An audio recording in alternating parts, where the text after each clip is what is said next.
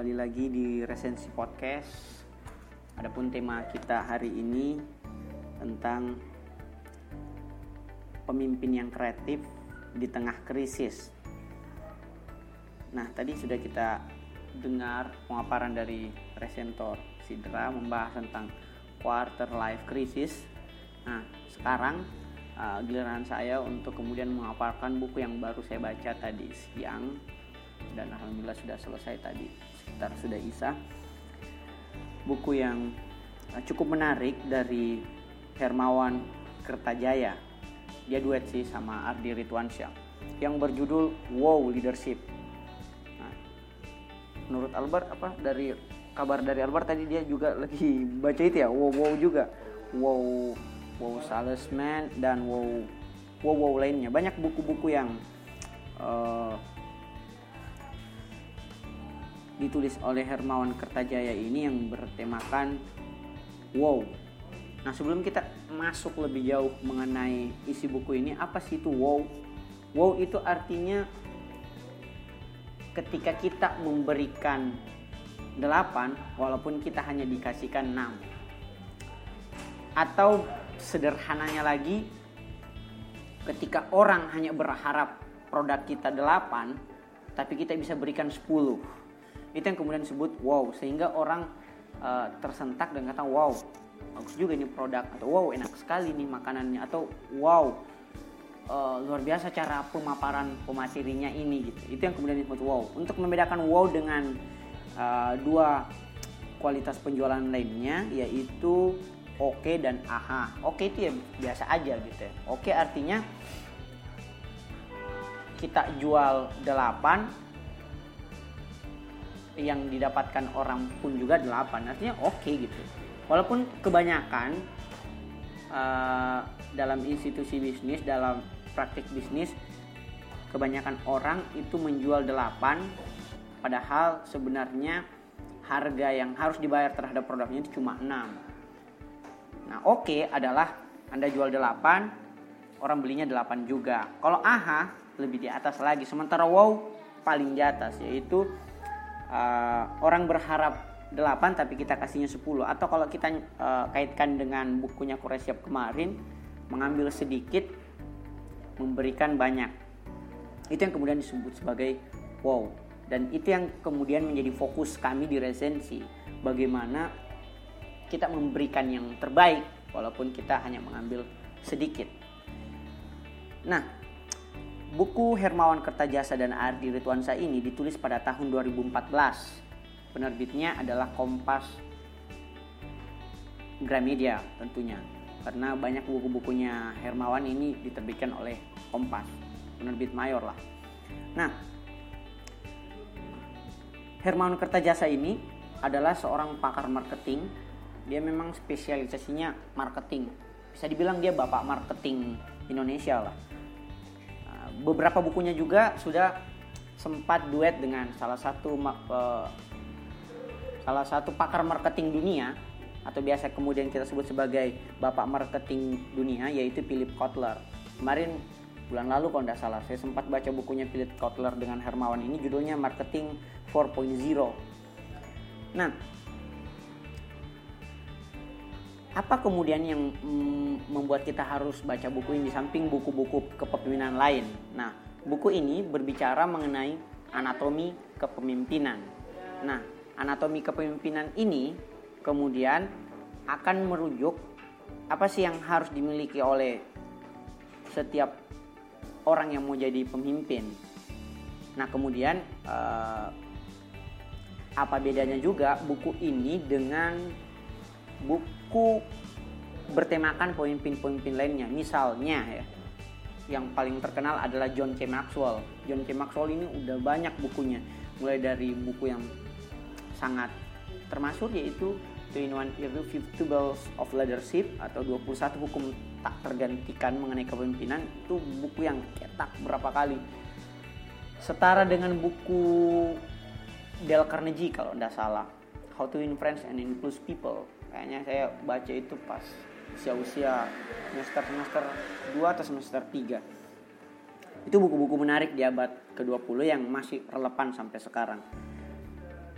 Nah, kalau kita mau compare buku dari Hermawan Kertajaya ini dia bertumpu kepada unsur-unsur yang harus dimiliki oleh setiap pemimpin. Sementara John C. Maxwell misalnya dalam bukunya Five Level of Leadership atau lima tahap kepemimpinan, dia menyebutkan bahwa tahap pertama seorang pemimpin adalah dia memimpin karena hak atau dia memimpin karena jabatan. Itu adalah pemimpin yang paling elementer. Yang paling terdasar walaupun beberapa orang berebutan untuk sampai kepada fase itu. Nah, beberapa pemimpin itu tidak melam tidak tidak tidak mesti menapaki tahap pertama itu. Sehingga ada juga judul buku yang bertemakan pemimpin yang bertajuk uh, leadership without title atau memimpin tanpa jabatan atau memimpin tanpa tanpa gelar gitu.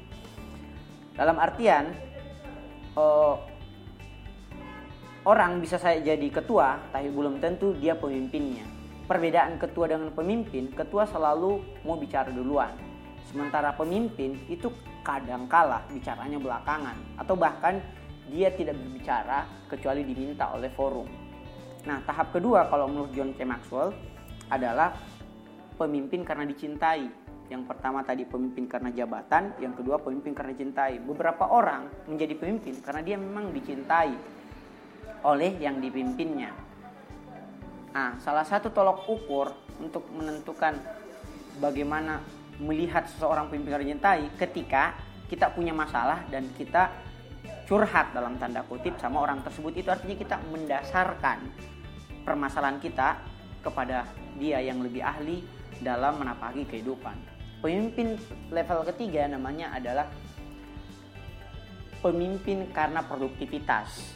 Terkadang ada orang yang memimpin karena dia saking produktifnya. Misalnya dalam dunia bisnis, kalau kita bicara bisnis, orang diikuti sebagai pemimpin karena dia telah memproduksi penghasilan atau pemasukan atau profit sedemikian uh, banyaknya sehingga kita mau aja ngikutin dia karena dia sudah lebih berhasil, sudah lebih produktif. Misalnya kalau dalam liter, dalam dunia literasi orang yang sudah nulis 100 buku pasti akan menjadi lebih mahir memimpin dibandingkan orang yang baru nulis satu buku. Nah, tahap keempatnya adalah reproduksi, reproduksi atau dia sudah bisa mencetak para pemimpin-pemimpin produktif. Sehingga uh, dia terkadang tidak berada dalam suatu institusi secara eksek eksekutorial. Dalam artian dia biasa jadi dewan pembina dia biasa jadi uh, komisaris dia biasa menjadi cuma pendiri kemudian tidak terjun langsung di uh, eksekusinya sementara pemimpin yang paling tinggi adalah pemimpin yang pemimpin karena uh, legacy atau warisan. Jadi pemimpin karena legacy atau warisan dia ada atau tidak ada atau bahkan dia sudah lama meninggal tapi legasinya masih relevan sampai sekarang. Kita ambil contoh walaupun tidak ada dalam buku John Penny tentunya Nabi Muhammad SAW dia tidak ada sekarang tetapi kerinduan kita terhadap beliau SAW tentunya masih melekat bahkan kita masih mau mengikuti sunnahnya karena dia adalah pemimpin tahap tertinggi atau pemimpin karena legacy Kebanyakan pemimpin diikuti hanya karena dia ada di sini. Kita bilang, oh oke okay, bereskan barang. Sebentar lagi bos mau datang. Itu ciri pemimpin tahap pertama. Pemimpin tahap kelima, ada atau tidak adanya dia, membuat kita masih uh, merinding ketika namanya disebut.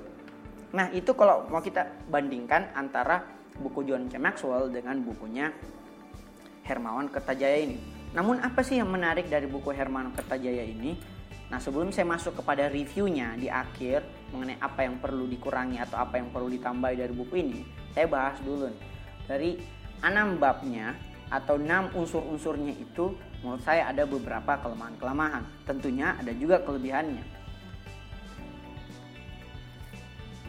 Nah, Hermawan dan Ardi Ridwansa ini membaginya ke dalam enam. Ada aspek fisik, aspek intelektual, aspek emosional, aspek personal, aspek sosial, dan aspek moral. Enam anatomi itu yang diperlukan untuk mencetak seorang pemimpin. Tapi izinkan saya untuk membaginya ke dalam tiga aspek saja. Karena antara aspek emosional dan personal sebenarnya hampir mirip dan antara aspek sosial dan moral dilihat dari orientasi dan signifikansinya juga hampir mirip. Jadi saya baginya saja ke fisik, intelektual, emosional dan personal serta sosial dan moral.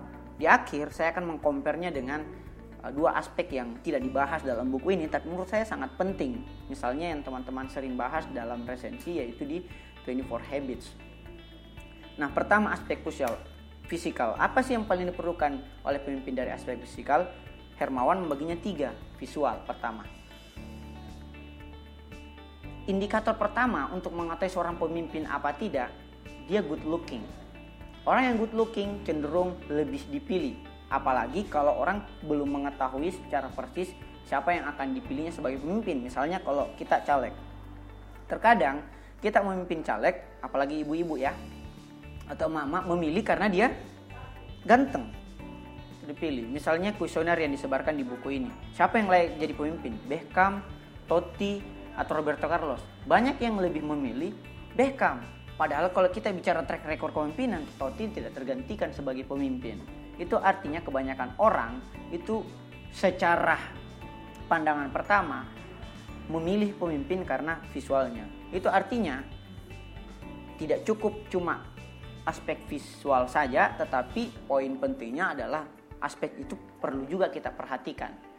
Misalnya kerapian rambut, Albar kan selalu rapi rambutnya, klemis dia. Dia mau menyaingi uh, Reno Barak sehingga dia selalu klemis, klemis rambutnya. Itu aspek visual, cara menyampaikannya, gestur tubuhnya. Yang kedua, masih dalam fisik, audio. Ketika dia berbicara, anatomi seorang pemimpin yang baik adalah pembicaraannya satu tentunya argumentatif. Yang kedua, artikulasinya. Artikulasi dalam artian penekanannya ketika dia berbicara. Kapan dia harus melambat, kapan dia harus menekankan ide-ide penting dan sebagainya. Yang ketiga juga walaupun tidak dibahas dalam buku ini intonasi. Intonasi dalam artian kapan dia harus berbicara dengan pelan, kapan dia harus berbicara dengan tegas. Nah, aspek lain dari uh, anatomi fisik adalah smell atau bau. Bau seseorang itu menjadi penting juga. Coba bayangkan misalnya ada seorang nabi atau seorang pemimpin yang dia bau badan gitu.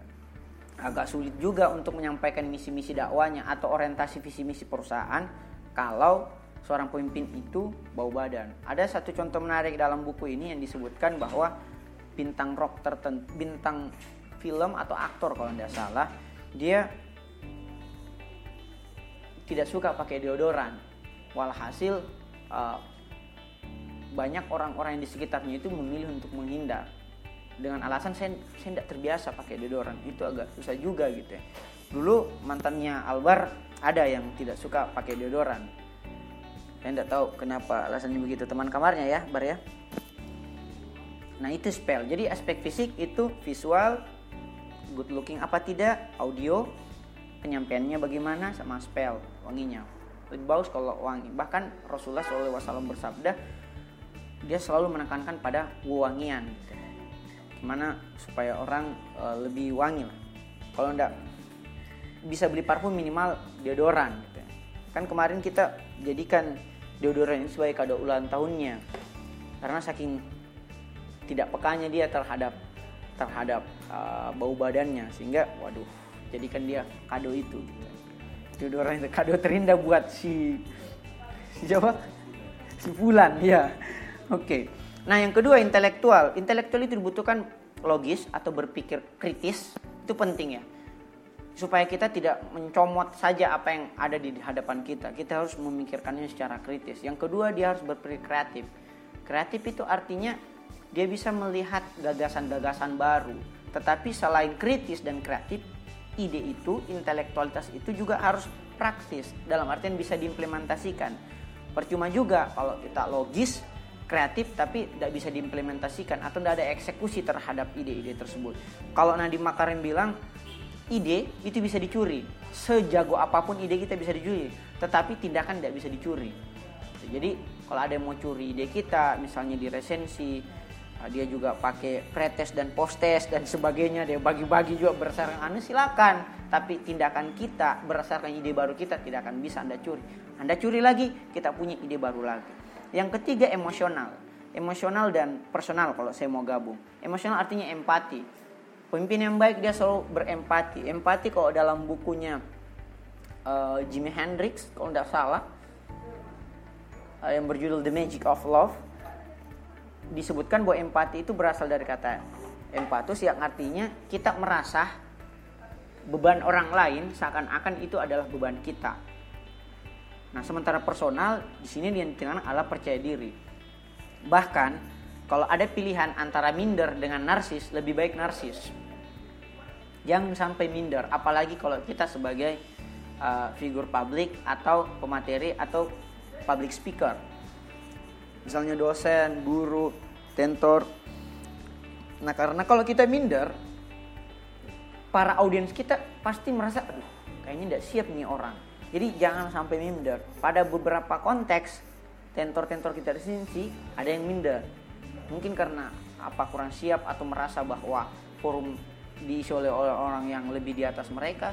Padahal ketika anda dipercaya sebagai pengajar berarti anda yang punya kendali dalam forum tersebut. Setua apa pun audiens sejago apa pun audiens mereka membayar untuk mendengarkan Anda. Jadi lupakan dulu semua latar belakangnya orang. Ini adalah panggung kamu. Sehingga ketika saya di papan tulis misalnya, ini adalah panggung saya. Tidak ada yang berhak menggeser atau menentukan bagaimana saya harus berpentas. Itu berbicara kepercayaan diri. Nah, sementara aspek sosial dan saya gabung dengan aspek moral, aspek sosialnya selalu dahulukan orang lain dahulukan pemimpin yang baik adalah pemimpin yang selalu mendahulukan orang lain. Misalnya ada satu contoh hadis Rasulullah SAW. Ada seorang sahabat yang membawakan buah, yang buah itu buah yang sebenarnya tidak enak untuk dimakan, katakanlah pahit. Ketika seorang sahabat itu membawa e, buah itu, Rasulullah dengan lahap menghabisi buah itu sehingga tidak kebagian sahabat yang lain.